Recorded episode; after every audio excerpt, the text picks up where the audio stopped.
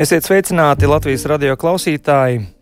Adventa laiks šorīt uz radio ēku dodoties virs Rīgas bija liela, klusa migla, un tā varētu šķist kaut ārēji satumst, un diennakts gaišais laiks sarūk, mums ir iespēja meklēt gaišo citur. Šodien kultūras rondo to meklēsim savās dzīvēs. Uh, šeit ēteru studijā Gustavs Terzens, un uh, Junga analītiskā psiholoģija būs vārdu kopa, ko mēs šodien locīsim vairāk kārt, tas ir instruments, kurš spēj dziedēt cilvēkus ar tādu literāro žanru kā tautas pasakas. Kā tieši to daļu mēs runāsim ar trim pasaku pētniecēm, Junga analītiskās psiholoģijas praktiķiem par nu pat klajā nākušo monumentālo pētījumu grāmatu ceļā ar pasaku, tautu brīnumu pasakas Junga analītiskās psiholoģijas skatījumā. Kultūras rondo klausās klausās un lasa. Esmu kopā ar trim junga analītiķiem, ar Gunu Bergu. Labdien! Ar Inesu Ruku. Labdien! Un Ramonu Gradzenu. Labdien! Un trīs jūs esat šeit studijā, bet kopumā ceļā ar pasaku ir radījuši desmit autori desmit autori kopā. Un, uh, ja jā, jāsaskaita kopā, tad latviešu tautas pasakas ir, ir vairumā, tas priecē, kopumā sešas, tad ir viena līvu pasaka un trīs svežzemju pasakas. Uh, pirmkārt, sveicu ar grāmatas iznākšanu. Tas Paldies. ir visa jūsu gara, gara bērns. Un piebildīšu to, ka grāmata nāca klajā 23. novembrī, kad visi bija savu uzmanību saspīlējuši uz spēļu nakts norisē. Tajā brīdī tas nelaupīja uh, tik lielam notikumam kā šādas grāmatas iznākšana uzmanību. Nē, noteikti nē, tāpēc ka uh, grāmata ir tapusi desmit gadu garumā. Un mēs vēlējāmies laist tautās šo grāmatu vēl šogad, un tāpēc tā izvēle bija 23. novembris, tad, kad mēs tikām Lac Nacionālās bibliotekas telpās uz skaistu pasākumu. Protams, ka dažu viesu pietrūka, mums ir nojauta, kur viņi atradās, bet nu, mums arī bija ļoti jauks pasākums. Uh, šajā gadījumā Mums klausītājs ir nedaudz jāuzsilda, un uh, vārds Karls Gustavs Jungs. Tur ir tik daudz šķautņu, tik daudz līmeņu, ar kuru nu sākt. Ja? Es reiz runāju ar Ines Zanderu par Raini. Viņa man jautāja, kuru Raini tu gribi uzzināt šobrīd? To, kas bērnībā, to, kas pēc tam. Tad par Jungu ir ļoti, ļoti līdzīgi. Man būtu jums lūgums uh, nedaudz ieskicēt Junga tēlu šodienas mūsdienas, mūsdienas cilvēkam. Mhm. Uh, varbūt es sākšu mazliet. Uh, Jungs ir dzimis 1885. gadā. Viņš ir dzimis uh, mācītāja ģimenē. Un, uh, kā Guna arī ir atklājusi un stāstīja vienā no, no mūsu um, no saviem podkāstiem, tad uh, jā, Junga, jā. Jungs ir bērns, kurš ir dzimis pēc vairāku iepriekšēju bērnu nāves, un Junga analītiskajā terapijā to sauc par uh, replacement, replacement child. child vai aizvietotāju bērnu. Tas nozīmē, ka Jungs ir bijis savā būtībā ļoti, ļoti tādā ciešā kontaktā ar nāves aspektu jau, jau no pašas uh, bērnības, no dzimšanas, jo mātei nav bijis iespēja šo traumu, šīs sēras izsērot visticamāk. Un, un tas arī atspoguļojās viņas tādā um, būtībā. Viņa, kā Junks viņa raksturo, ka viņa ir bijusi daļēji klātesoša un daļēji viņa ir bijusi kaut kādās tādās sarunās ar, ar viņu pasauli, ar, ar kādiem okultajiem spēkiem. Tātad Junks tā, tas ir tāds īsts bērnības ieskicējums, bet varbūt mēs varam pamazām ņemt šo virzienu, aprakstot viņu tieši kā viņš nonāca līdz šīm pasakām, jo tas ir saistībā ar uh, to, ka um, kādu laiku, kad viņš satika Freidu, viņš bija Freida skolnieks. Um, vai Freids viņu bija pieņēmis kā tādu dēlu un savas teorijas turpinātāju.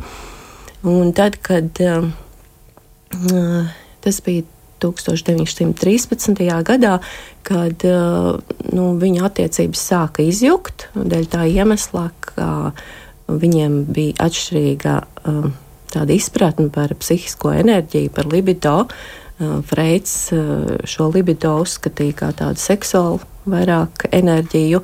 Jungs to, mm, saka, mēģināja uh, traktēt kā, kā daudz plašāku, daudz plašāku un daudzslāņaināku psihisko enerģiju cilvēkā. Un, uh, līdz ar to viņu ceļi šķīrās, un šis laiks tieši sakrit arī ar tādu pasaules krīzi. Pasaulē tas ir pirms, pirm, pirms Pirmā pasaules kara, un Jungam bija tādas ļoti spēcīgas vīzijas par, uh, tādas, par, par uh, Eiropas uh, pārplūšanu, par asins jūru un, un uh, par tādu uh, sapņu par vispārēju sasalumu. Un tad viņš mazliet arī bija sašaubījies par savu saka, psihisko stāvokli. Bet uh, tad, kad sākās karš, tad, tad viņš tāds kļuva mierīgāks un saprata, ka tas ir saistīts ar kaut ko lielāku, ar, ar, ar, ar kādiem tādiem lielākiem, plašākiem bezapziņas procesiem, ar, uh, ko mēs uh, saucam par, par kolektīvo bezapziņu, par kolektīvās bezapziņas procesiem. Šeit jābilst arī, mm -hmm. tas ir tāds um, Daudz to sauc par zinātniskās arogances laiku, empīrisma laiku, kad mm, pastērs pats sev špricē baktērijas, lai pārbaudītu, vai tas strādā. Savukārt um, par Jungu, cik ir zināms, uh, viņš šajā brīdī pēta sevi Ja, viņš iet pats savos dziļumos, un viņam, citējot viņu, viņš saka, ka visas šīs mistiskās, nepaskaidrojamās lietas par savām dzīvēm viņš ir bijis spiests samazināt līdz zinātnei, lai viņu neizsmietu. Ko tas, ko tas par viņu pateikt mūsdienās, par šādu pētnieku? Uh, nu jā, viņš šo dziļās pašizpētes gadus arī vēlāk, nu, vēl ejot tālāk uh, savos meklējumos, arī salīdzināja ar alķīmisku procesu. Uh, jā, tādu uh, transformāciju un pārtapšanu, bet uh, mm, nu, viņam pašam arī bija skaidrs, ka, ja, ja viņš šo visu uh, publiskos, tad uh, daudzi viņu nesapratīs, jā, un teiksim, tādi zinātnes aprindās esoši cilvēki, ja to varētu nesaprast. Tas laiks vēl nebija pienācis. Uh, un uh, viņa mm, šie meklējumi savā dzīvēm tika aprakstīti gan, gan melnajā grāmatā, gan sarkanajā grāmatā.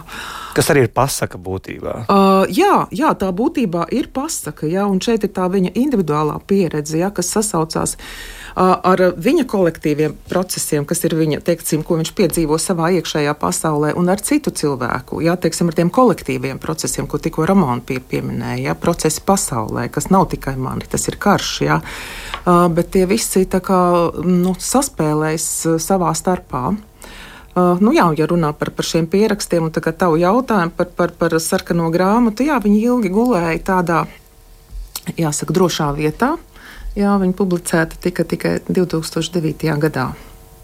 Nu, būtībā, ja runājam par Junga šo darbu, par sarkano grāmatu, jeb Libernovus, tad respektīvi to sauc par pamatu visai viņa teorijai. Līdz 2009. gadam tad, tad mēs kaut ko par Jungu nezinām.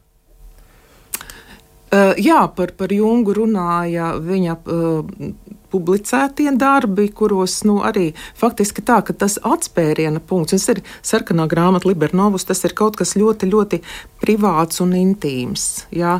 Ja cilvēks mazliet distancēs, un tas tā kā vairāk piedienētu zinātnē, jā, tad, tad par to var rakstīt un darbus var publicēt. Ja? Bet tas ir kā tāds atspēriena punkts, ja šie pašizpētes gadi, sarkanā grāmata. Uh, jā, kur viņš gāja dziļi, dziļi iekšā, un, protams, uh, kas ir svarīgi, jā, viņš nāca no turienes ārā. Un viņš to visu pierakstīja un arī zīmēja. Nu, līdzīgi kā pasakas, kas mūs ieved, ņem savā varā, tad kādu atlaiž, atlaiž un kādu neatlaiž. Uh, Jūsu izdevumā tad ir desmit pētījumi, desmit tautu pasaku pētījumi Junga analītiskās psiholoģijas griezumā. Un, Jūs lietojat vārdu brīnuma pasaka. Ir pasakas un ir brīnuma pasakas. Kāda ir atšķirība? Jūs pētāt uh, brīnuma pasakas. Nu, ir pasakas par dzīvniekiem.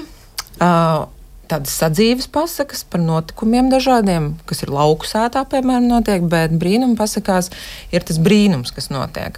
Un, uh, un man liekas, ka tā pasaku tradīcija, kas, man liekas, Latvijā joprojām ir ļoti dzīva mūsu tradīcijās, uh, ir pretstats racionāliem Jā, mēs pa dienu dzīvojam bieži vien ārkārtīgi racionālu dzīvi, bet pasaka ir, un ir īpaši brīnuma pasaka, ir tāds, tā iespēja ieraudzīt kaut ko savādāku un piedzīvot kaut ko savādāku kas ir aiz tā racionālā robežām, un tāpēc brīnuma pasakas. Nu, lūk, Ines, jūsu pētniecības uh, laukā nonāca latviešu tautas pasaka zaldāta laime. Uh mhm. -huh. Kur tad, tad īsā versija, ja, ka nabaga zaldāts nāk no, no, no kara, sašļucis, ievainots, satiek brīnumu vecīti brīnumu būdiņā, palīdz viņam uzkurt pirtiņu, uzcelt jaunu māju un beigās, protams, zirgā un ar, ar ķēniņu meitu uh, aprecējies. Ja, tad, tad, mhm. tāds pilns transformācijas, jeb izmaiņu uh, vesels kopums. Un um, uh, jūsu gadījumā šeit ir saskatīta vīrieša iniciācija, jeb vīrieša tapšana šajā gadījumā, ja, kas ir sastapšanās ar vecā gudrā vīra un animas arhetipiem un integrāciju. Lūk, šie mhm. vārdi mums ir jāpaskaidro ar, arhetips, anima un integrācija? Mm. Um, mēs katrs, kā individuāls cilvēks, dzīvojam ar to savu personisko pieredzi, kas veido mūsu personiskos kompleksus. Arī šis ir jāpaskaidro vārds komplekss. Jā, mūsu personiskās traumas, tādas traumas, kas ir mūsu emocijas, kas ir saistītas ar šām te, šīm te traumām. Un, un, nu, tā jau man liekas, mēs arī sadzīvē bieži vien ikdienā lietojam, nu, tā ir mana bērnības trauma.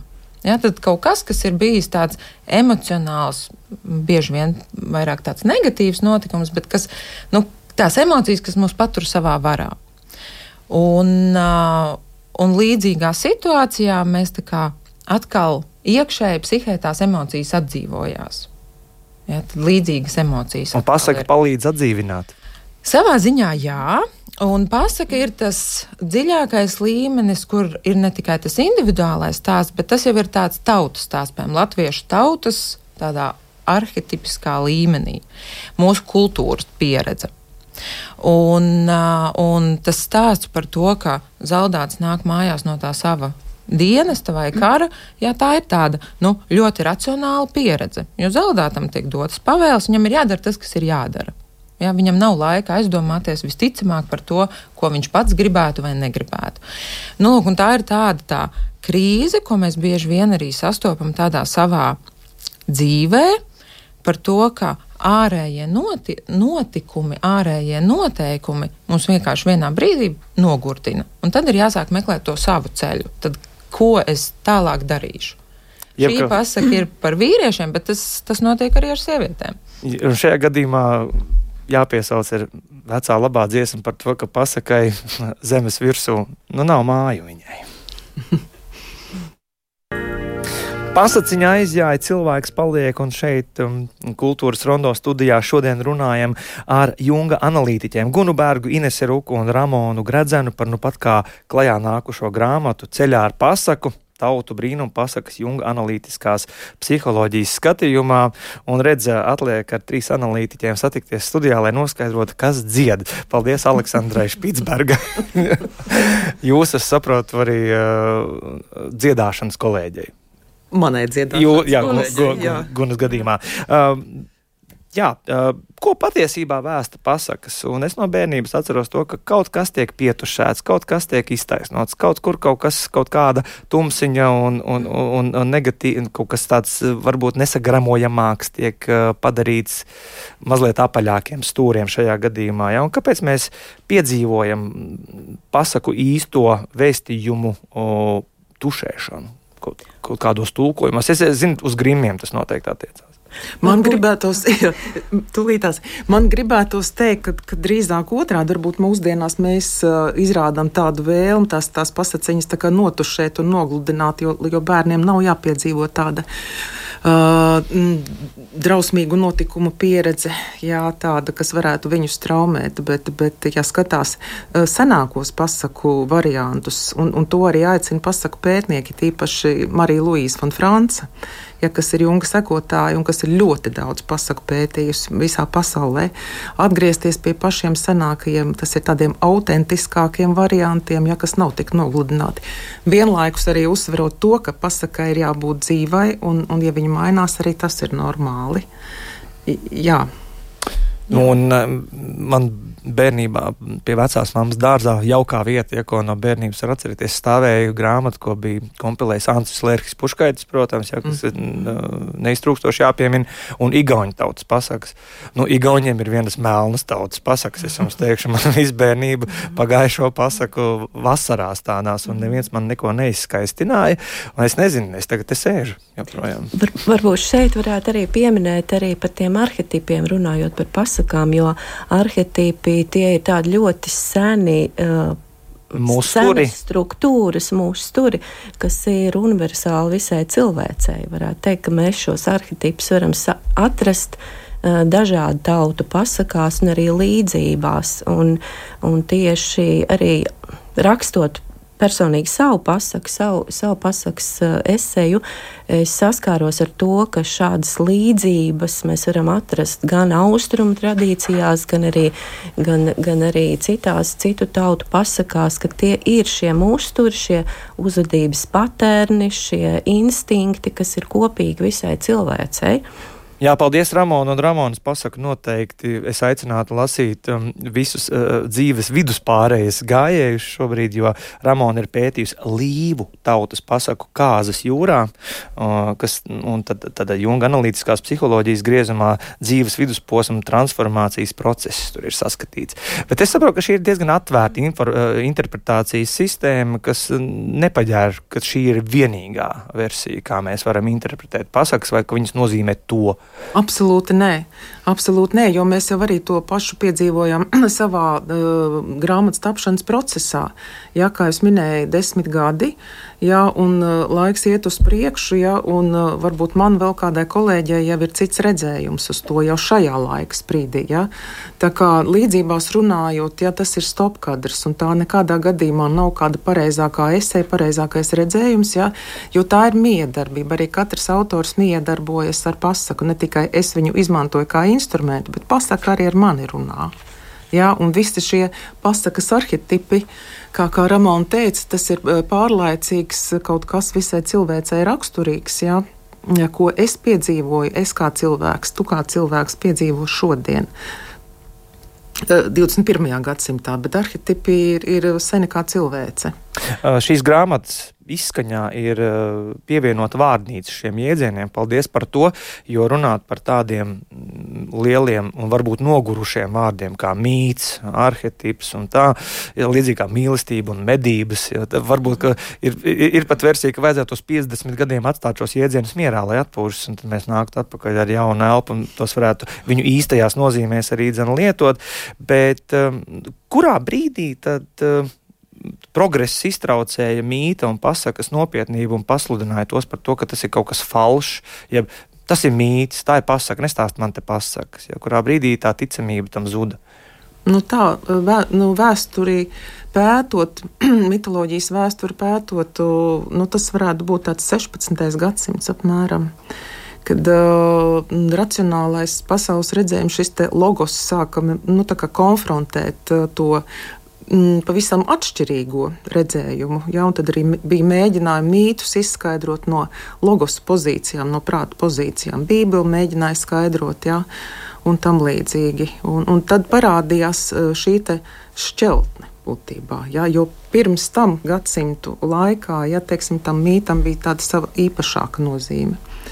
Un, un jo lielāka šķeltne, respektīvi, jo uh, tālāk atvirzās šie savā ziņā pretstati, jā, jo Uh, vairāk mēs varam runāt par tādu balansu trūkumu, un tas ir gan ārējā pasaulē, nu, tas ir būtiski mums kā speciālistiem iekšējā pasaulē. Šeit uh, grāmatas iesākumā uh, priekšvārdā ir minēts Francis Bēkona, uh, nu jau varētu teikt diezgan iedomīgais uzstādījums, ka zinātne ir tikai tas, kas vedīs pie patiesības. Vai tas aplis ir iziet šobrīd, vai mēs esam sapratuši, ka zinātne mūs var aizvest tikai līdz punktam X?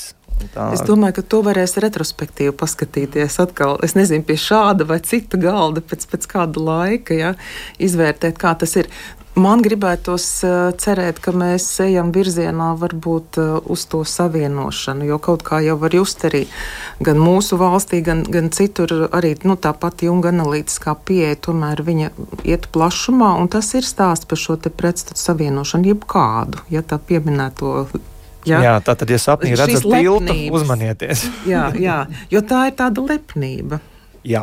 Um, galerijā Māksla XO Rīgā nu pat ir atklāta Igaunijas melnā humora meistara Marko Mētama izstāde reizes sensenos laikos, kurā viņš savā manierē ir interpretējis un ilustrējis labi zināmas bērnu stāstus un pasakas, liekot uz tām paraudzīties pavisam citām acīm. Nu, piemēram, Vai esat domājuši, ka uz sniegbaltīti un septiņiem rūtīšiem varētu paraudzīties arī kā uz spēcīgu sievieti, kura valda pār septiņiem vīriešiem un liek viņam strādāt savā labā.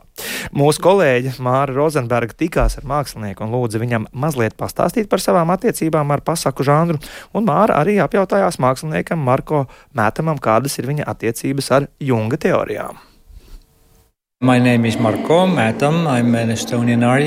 Mani sauc Marko Mētams, esmu Igaunijas mākslinieks un mākslas pasaulē darbojos jau 30 gadus.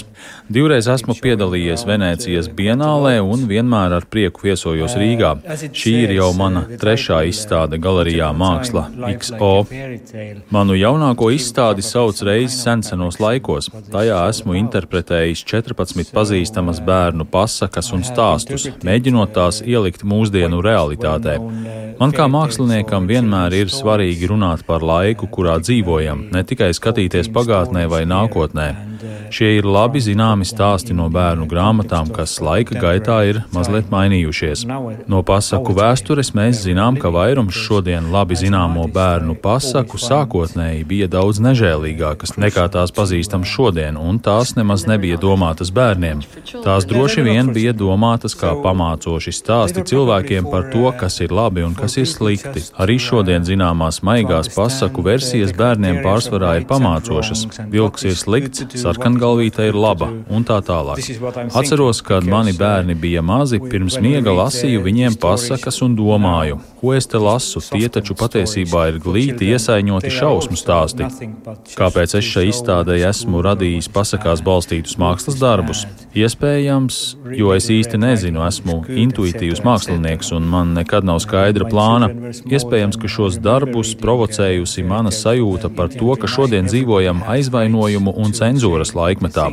Mēs daudz ko vairs nedrīkstam teikt. Šis ir individuālisma laiks. Visiem ir tiesības teikt, ko viņi domā, bet paradoxālā kārtā, jo vairāk mums ir brīvības, jo mazāka mums ir izteiksmes brīvība, jo kāds taču varētu apvainoties, tikt sāpināts.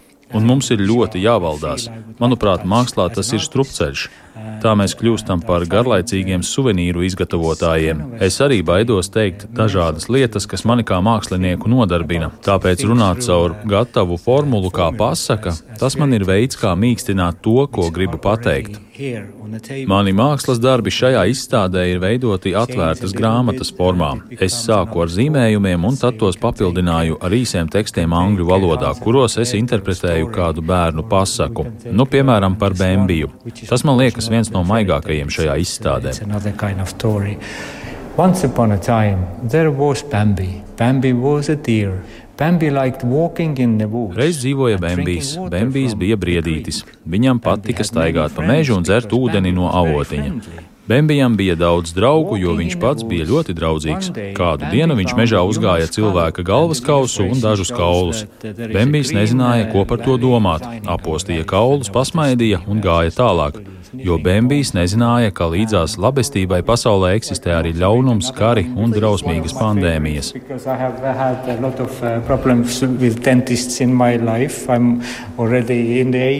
Vai pasaka par zobu feju?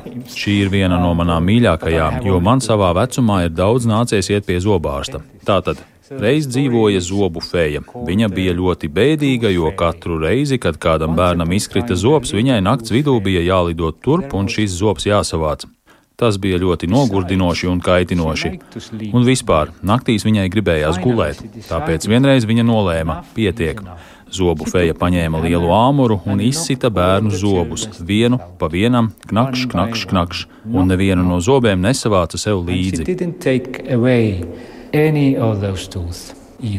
Not only about this series, but uh, in many other. Skatoties manus darbus, cilvēki nereti saka, ka es droši vien labi pārzinu Junga un citu psihoanalīzes klasiķu teorijas, bet tā nav tiesa. Mēdzu teikt, ka es droši vien viņiem būtu labs pacients. Protams, Mākslas akadēmijā es nedaudz lasīju Jungu, bet man viņa teorijas nekad pārāk nav interesējušas. Man šķiet, ka pati dzīve jau visu iedod, un beigu beigās tu pats sev esi terapeits. Manuprāt, mans darbs ir tas, kas mani notur sliedēs. Pateicoties iespējai izteikt sevi mākslā, man nevajag psihoterapeitu.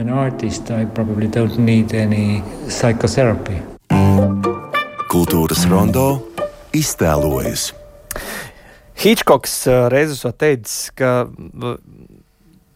loģika nav tik svarīga kā iztēle. Ja, bez, bez, bez loģikas mums ir noteikti jāpievēršas arī iztēlē. Savukārt, Junks ir, ja nemaldos, teicis, ka mēs maksājam ļoti dārgu cenu, ja mēs novēršamies no savas iztēles. Lūk, šodien eh, bez iztēles neiztikt, bet arī bez analīzes, ne, un kopā ar trim Junga analītiķiem Gunu Bergu, Inesu Ruku un Ramonu Gradzenu eh, runājam par grāmatu Ceļā ar pasaku tautu brīnumu, pasakas Junga analītiskās psiholoģijas skatījumā, un nu pat dzirdējām uh, Marko Miro Mētam, uh, Igaunijas melnā humora meistara un mākslinieka spriedumus. Un viņa izstāde uh, reizes senos laikos joprojām ir redzama šeit Rīgā, uh, Mākslas galerijā, Māksla XO.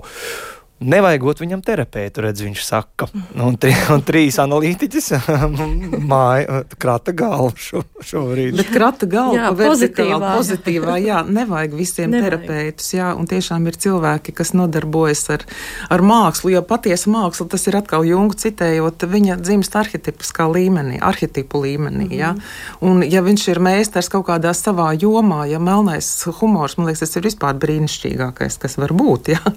Jo humors, nu, viņš saliek atkal tos pretstatus kopā. Ja? Un tas melnais, es domāju, tā, ka tur noteikti ir ēna klātesoša. Tas, kas te pirmīt izskanēja par to pasaku nogludināšanu ja?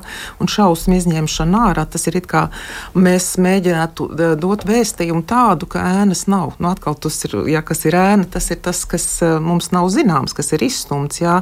Un jo dziļāk mēs ejam ēnā, jo tuvāk tas var būt arī arhetipiskai ēnai, nu, kur ir viss tas lielais ļaunums ja? un, un viss tādas uh, briesmīgas briesmīgas lietas. Jā, bet Pie, mhm. varbūt jā, es pateikšu, Lūdzu, Raman, pieskaroties par eh, tam stāstam par Bēnbiju, man uzreiz radās asociācija par ļoti arhetipisku tādu piedzīvojumu, ko arī katrs piedzīvo savā dzīvē, un kas ir aprakstīts arī Heses Sidhartrā par Budas ceļu, kad ka jaunietis iziet ārpus savu tēva karaļdama rāmjiem un ierauga, ka dzīvē ir nāve, ka dzīvē pastāv slimības, ka dzīve nav tikai skaita, skaista tāda cilpošana pa mežu pie skaista skaidriem, skaistiem avotiņiem. Bet vai mēs spējam ar pasakām, agrīni tās lasot bērniem priekšā, mm, un arī paši pārlasot, vai mēs spējam preventīvi no kaut kā pasargāt to cilvēku viņa ceļā? Es nedomāju, ka mums, es tā es iedomājos, ka nav jau tāds mērķis no kaut kā pasargāt, jā, jo tā, tā būtu tā pretējā pieeja, tā pamperēšana, tas, kas tagad notiek. Uh, Uh, nu, visur likt spilventiņš, lai bērnam nav jācieš, ja, bet es jau pieminēju to, ka iepazīšanās ar ēnu ja, vai kādiem citiem tādiem netik pievilcīgiem aspektiem, uh, tas, tas dod tādu drošības izjūtu drīzāk nu, kā vecāks, kā pavadonis. Ja? Viņš dod savu svētību, iet viņam pašam tajā individuācijas ceļā, ko viņš vēlāk ies viens pats. Jā, nu, varoņi. ja vien vecāks ir pieaudzis. Ja vien vecāks ir pieaudzis, un vēl, vēl kas ir jāatzīmē, nu, bērns vispār, jo mazāks bērns, jo viņš ir tuvāk bezapziņai, jo bērns piedzimst bezapziņā, viņam šie procesi šķiet daudz dabiskāki nekā vecāki ar savu uzslāņojumu, tādu kārtu, un tad, tad visu to, ja kādiem mums ir jābūt uh, sabiedrībā mūsdienās. Jā. Un... Nu, šeit mēs nonākam pie vēl viena jautājuma, un tieši Guna. Uh, jūs esat izvēlējusies kurbadu ķēves dēlu, nu kur vienu pamatīgāku, trīsreiz vien to pašu cauri iziet, vai ne? Ka viņš ar tiem daudzgalviem tur nabaks cīnās nepaguris. Un nu, šeit Gunas pasakas analīzes aprakstā ir visi, uh, viss lielais Junga uh, teorijas mūža mešs. Ja? Tad ego kompleksa attīstības ceļš miedarbībā ar kolektīvo bezapziņu. Ja? Es, es domāju, nu, tad bez, tad bez, bez akadēmiskas pazemības tam rakstam vispār nevarētu ķerties klāt, bet es ielasījos un jāsaka, nu, ļoti ļoti, ļoti uh, vērtīgas atziņas. Un šajā gadījumā mums ir varbūt um, vēlreiz ir jānoņem demonizējums no vēl viena vārda, no ego kas kaut kur tādā, tādā varbūt, š, tādā, varbūt nelīdz galam izstrādātā izpratnē liekas, ka tas ir kaut kas, kas ir jāapkaro, kaut kas, kas ir jāapgriež, jākontrolē. Bet Junga gadījumā ego ir pavisam kaut kas atkal cits. Jā, nu es domāju, arī kur, kur, kur es kaut kur runājos ar cilvēkiem, tad mēs vienmēr uh, nodefinējam, kas ir kas, jo ir tiešām cits pieejas, kur tas ego ir, ir mazliet citu saturu, un, un Junga analītiskā pieejā tiešām tas ego ir apziņas centrs, un viņš jau ir tas, kas piedzīvo to bezapziņu. Ego ir tas, kas veido asi vai spirāli ar patības, ar šo te lielo jaudīgo, nu, dievišķā. Patība, lūk, vēl viens mums jā. vārds. Jā, jā un, un ego spēks ir faktiski arī tas, uz, uz ko mēs virzamies virzamies terapijas procesā. Jā, mēs iepazīstamies, mēs pakāpjamies tajās dzīvēs iekšā, mēs saņemam enerģiju, spēcinam ego, jā, lai iet atkal tālāk. Un kā šajā gadījumā kurbada ceļš, kā pasaka, varētu palīdzēt atklāt savu ego tuvošanos patībai? Uh, jā, nu kā jau tu pieminēji, tā ir uh, gandrīz tā, tāda austrumu pasaka, ja, kur, kur ir viena pasaka otrā, un tad ir otrā, trešā. Kā fraktāls viņa ir. Jā, jā, viņš ir tā kā fraktāls, jā, un tas arī, man liekas, tas ir arhitipiski noteikts tāds ritms kaut kādā ziņā, ja, kā tā pasaka ievelk. Jā, un, un tas arī dod varbūt to vēstījumu, ka nav jau viss tik vienkārši. Jums dzīve arī nav tā, ka, nu, tā kā vienreiz pazvanīs zvaniņš, tagad es iziešu to varoņu ceļu, ja, un tad viss tā baigi baig vienkārši būs. Ja, tā jau no varoņu ceļu arī var skaidrot dažādi un, un dažādās kultūrās, bet uh, kolosālais mītu pētnieks un kultūra pētnieks Džozefs Kembels, viņš ir mhm. uzrakstījis šo kolosālo darbu uh, varonis ar tūkstošu sejām, ka būtībā mēs runājam par vienu un to pašu visos mhm. tekstos un visos stāstos. Bet uh, viena no pasakām uh, pētniecībā.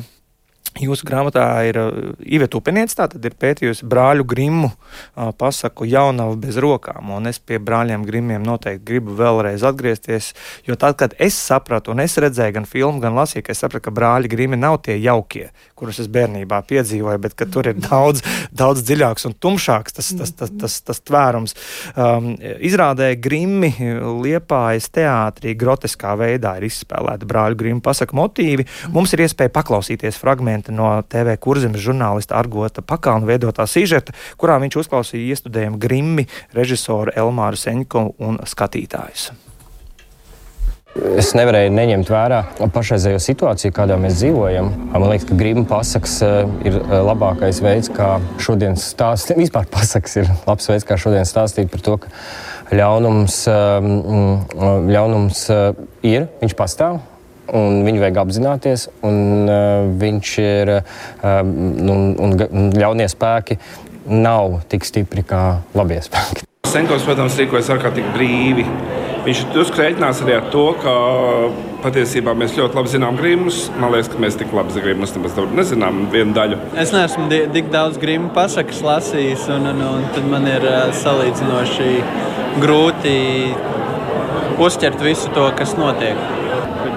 Bet, nu, liepais aktieri kā parasti līmenī. Brīnišķīgi, ļoti, ļoti interesanti izrāda. Es neesmu bijusi teātrī desmit gadus un galīgi neesmu vīlusies.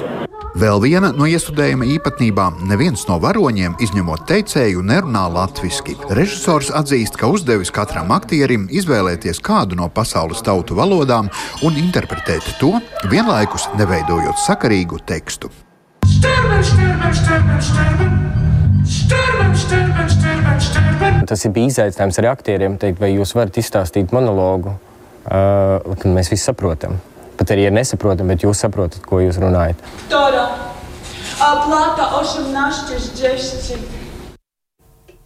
Lūk, Grimmi, režisora Elmāra Senkova darinājumā. Un, ja senajos, sen, senajos laikos stāstus drīkstēja stāstīt vecajais, kurš zināja stāstu nozīmi un ietekmi mm. uz mazajām jaunajām dvēselēm, vai arī uz vecajām nogurušajām dvēselēm, tad mūsdienās to dara lūk, arī uh, tie, kas uh, to ir papildus mācījušies, režisori, mākslinieki.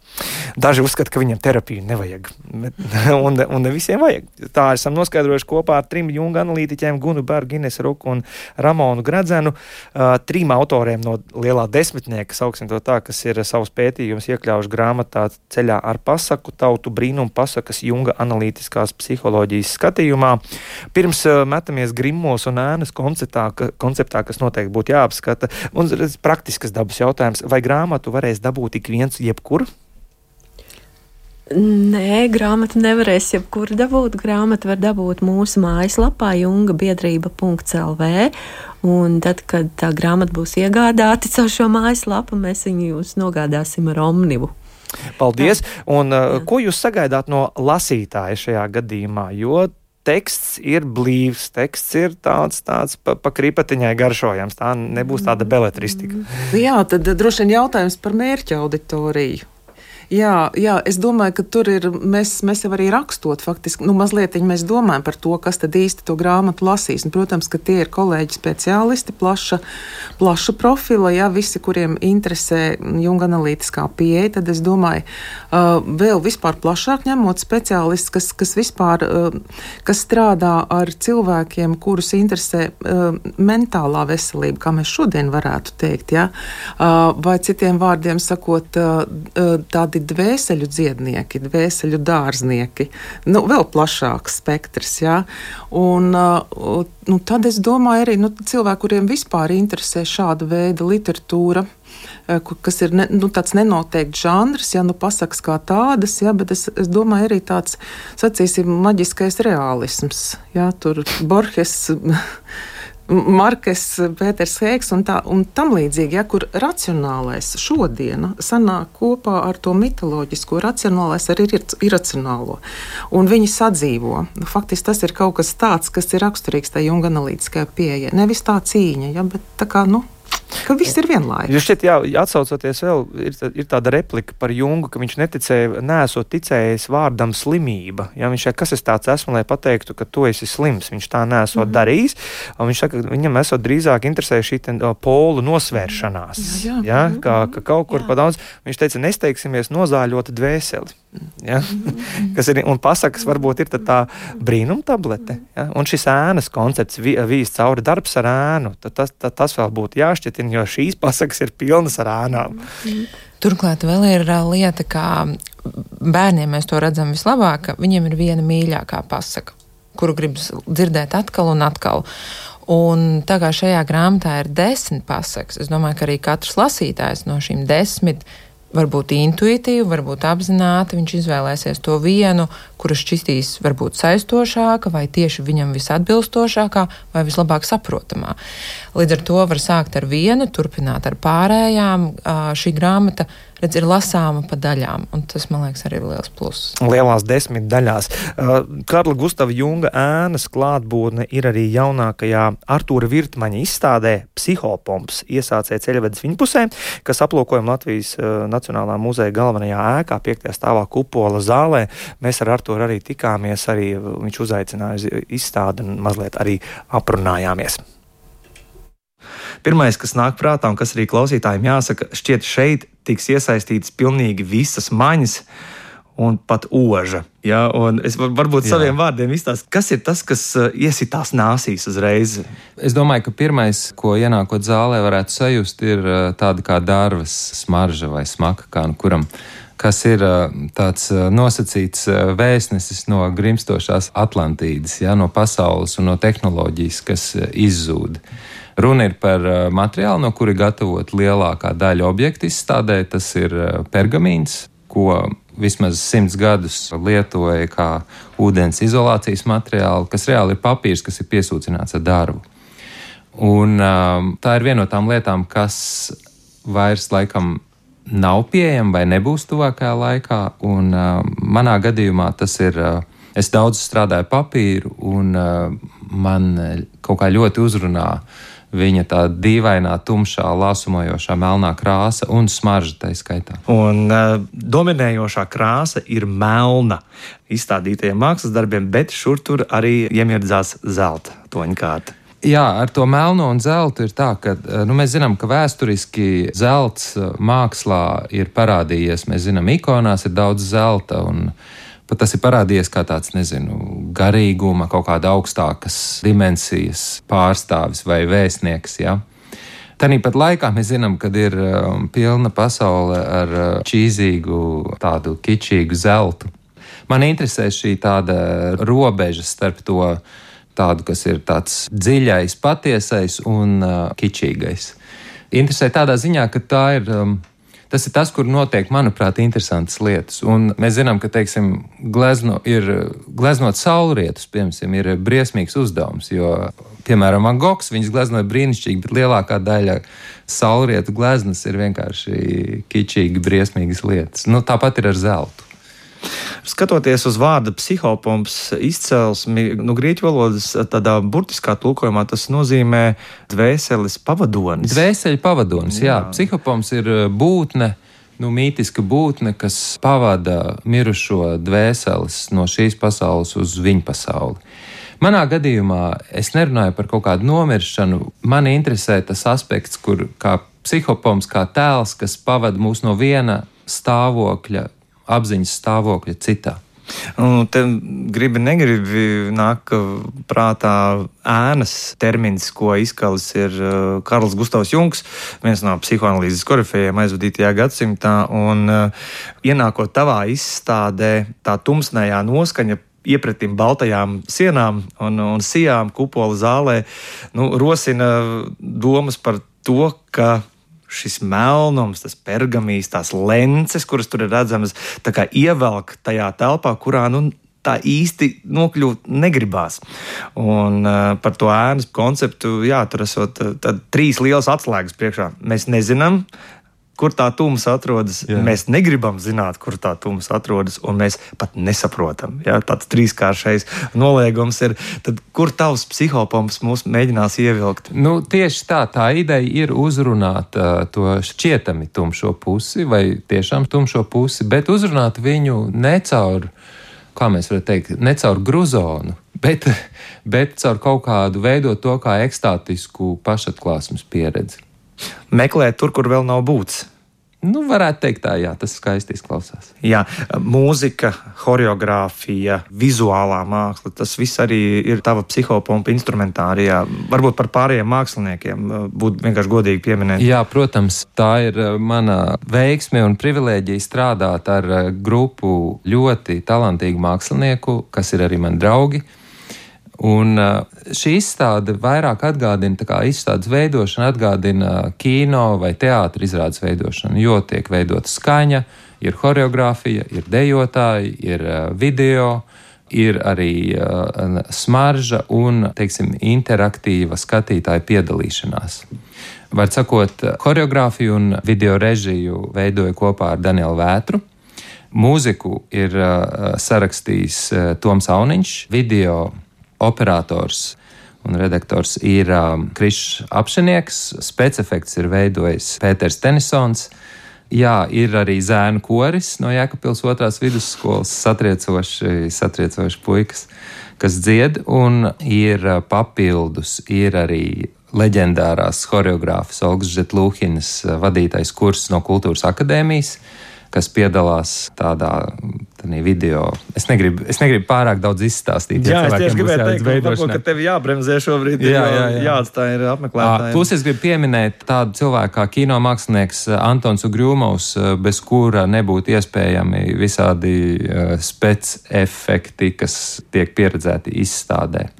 Nākot uz Latvijas Nacionālā Mākslas muzeja ēku, mūs sagaida zemē ietriekusies lidmašīna.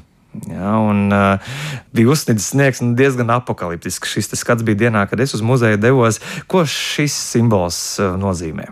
Ar ko man uzrunās šī lidmašīna, ir tas, ka teiksim, tur ir tas, tas tulkojuma vai interpretācija lokus diezgan plašs, iespējamais. Ja? Un es negribu iebarot kaut kādu vienu interpretāciju, kas būtu pareiza, bet, uh, protams, ir asociācijas ar karu, ir asociācijas ar um, kaut kādu, nu, protams, burtiski jā, ar kaut ko, kas ir nokritis un sasities un, un izbeidzies un tā tālāk. Bet uh, manā gadījumā atsauksme ir, es atsaucos tieši uz tādiem cilvēkiem kā uh, rakstnieks Sentekzeperī, kas rakstīja Mazo princi, jā, vai tur ir kaut kas tāds sapņaināks par to viņa pazudušo lidmašīnu, par, arī par uh, Josefu Boisu, kurus lietoja kā kā tādu atbalstu punktu izstādes veidošanā. Džozefs Bois otrā pasaules kara laikā bija kara lidotājs. Un viņš tika notriekts kaut kur Krīmas rajonā, un tur viņi izglāba zemnieki, tīdam viņa vilnas segās un smērējot ar taukiem. Šodien viņi tītu zelta termālajās segās. Var sakot, uh, Džozefs Bois pēc tam visu mūžu savā instalācijās uh, lietoja šīs biezās vilnas segas un taukus. Un, un, uh, man arī tāds tēls no viņa slavenās performances, kas saucās I Like America and America Likes Me, ir pārfrāzēta manā instalācijā katastrofa. Man patīk katastrofa. Jā, man jā, patīk katastrofa, un es patīku katastrofai. Jā, tā, tā, tāds apvērstais. Arī varbūt par tiem, jā, tas, tas um, notriektās lidmašīnas simbols. Viņš arī par tādiem tā kā, nu, satriektiem sapņiem, ja, par Jā, kaut kādu ši, šīs dienas realitātes uh, trauslums attiecībā pret to, kas tur tumsā varētu mūs sameklēt. Jā, jā ļoti precīzi. Jā, un uh, runājot par um, uzrakstu, jā, tad, tad uh, ir, ir uzraksts, kurš uzreiz mūs sagaida. Not today, Jā, ne šodien. Šis uzraksts ir eh, gan uz lidmašīnas ārā, gan viņš ir sastopams arī izstādes eh, ekspozīcijā iekšā, otrreizēji pārstrādātās plasmasas granulu laukā. Jā. Un, un es tādu, es tādu nu, kāpēc ne? Kāpēc ne šodien? No kurienes, kas šie par vārdiem? Nu, tā ir tāda, mēs viņu varētu nosaukt par tādu pop prayer, kā mēs teiktu, lūkšanu, ja? tādu populāru lūkšanu kas pie manis nonāca caur manu dēlu Ulisu, visticamāk, caur, jū, tālāk caur YouTube kanālu. Kur ir, viņš man saka, bet es šo teikšu angliski, jo tas ir tas, kā tas oriģināli izklausās. Ja tas not today, uh, there's only one God, his name is death. The only thing we can ask of him is not today. ja, un, un man kaut kā ļoti uzrunāja šis. Um, nu, tāds novienkāršotais, jā, bet tā vai tā kaut kāds līmenis, kas tomēr, kuram ir kaut kāda tiecība uz, uh, uz transcendenci. Tur ir kaut kāds tāds ļoti novienkāršotā formā arī budisms parādās caur šo, nu, teiksim, tā pop-budisms. Jā. Un, um, jā, un tāpēc vienkārši tā ideja, tā dziļākā ideja bija veidot izstādi, kas būtu kaut kas pa vidu starp, teiksim, Tarkovskas stalkeru, ja tas tiktu uzvests uz Broadway. Tātad tur ir tas eh, viens tas, eh, tas dziļais, smagais, eh, gudrais līmenis, un otrs ir vieglais, izklaidējošais. Un tā ir tāda robeža, uz kuras man, man patīk.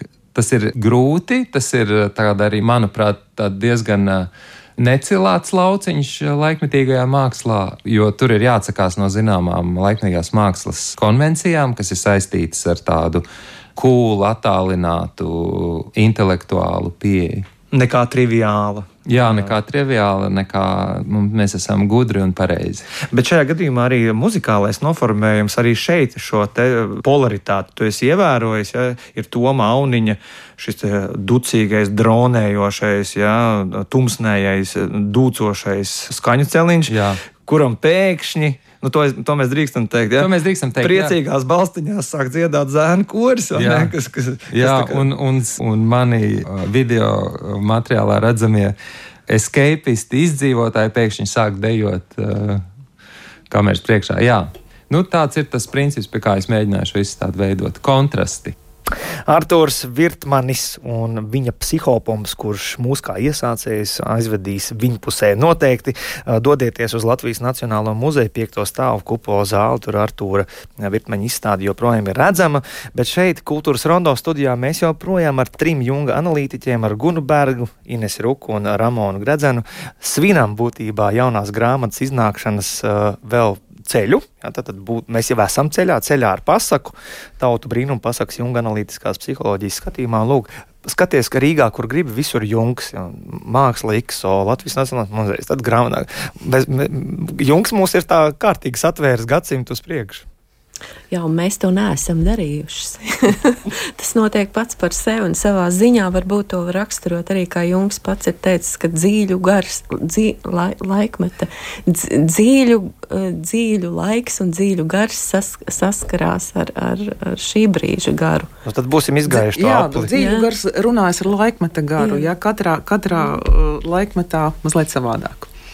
Paldies jums liels un uh, sveicu arī pārējos autors. Tātad kopumā tie ir desmit, desmit pasakas, tautu brīnumu pasakas ir pētītas um, Junga analītiskās psiholoģijas griezumā. Grāmatu meklējiet un pasūtiet uh, junga biedrība.lv un tad saņemsiet personīgi, kā jau tas kārtīgā terapijā viens uz viens arī ir pieņemts. Paldies jums par viesošanos šeit. Savukārt es Gustavs Terzens saku jums uz redzēšanos.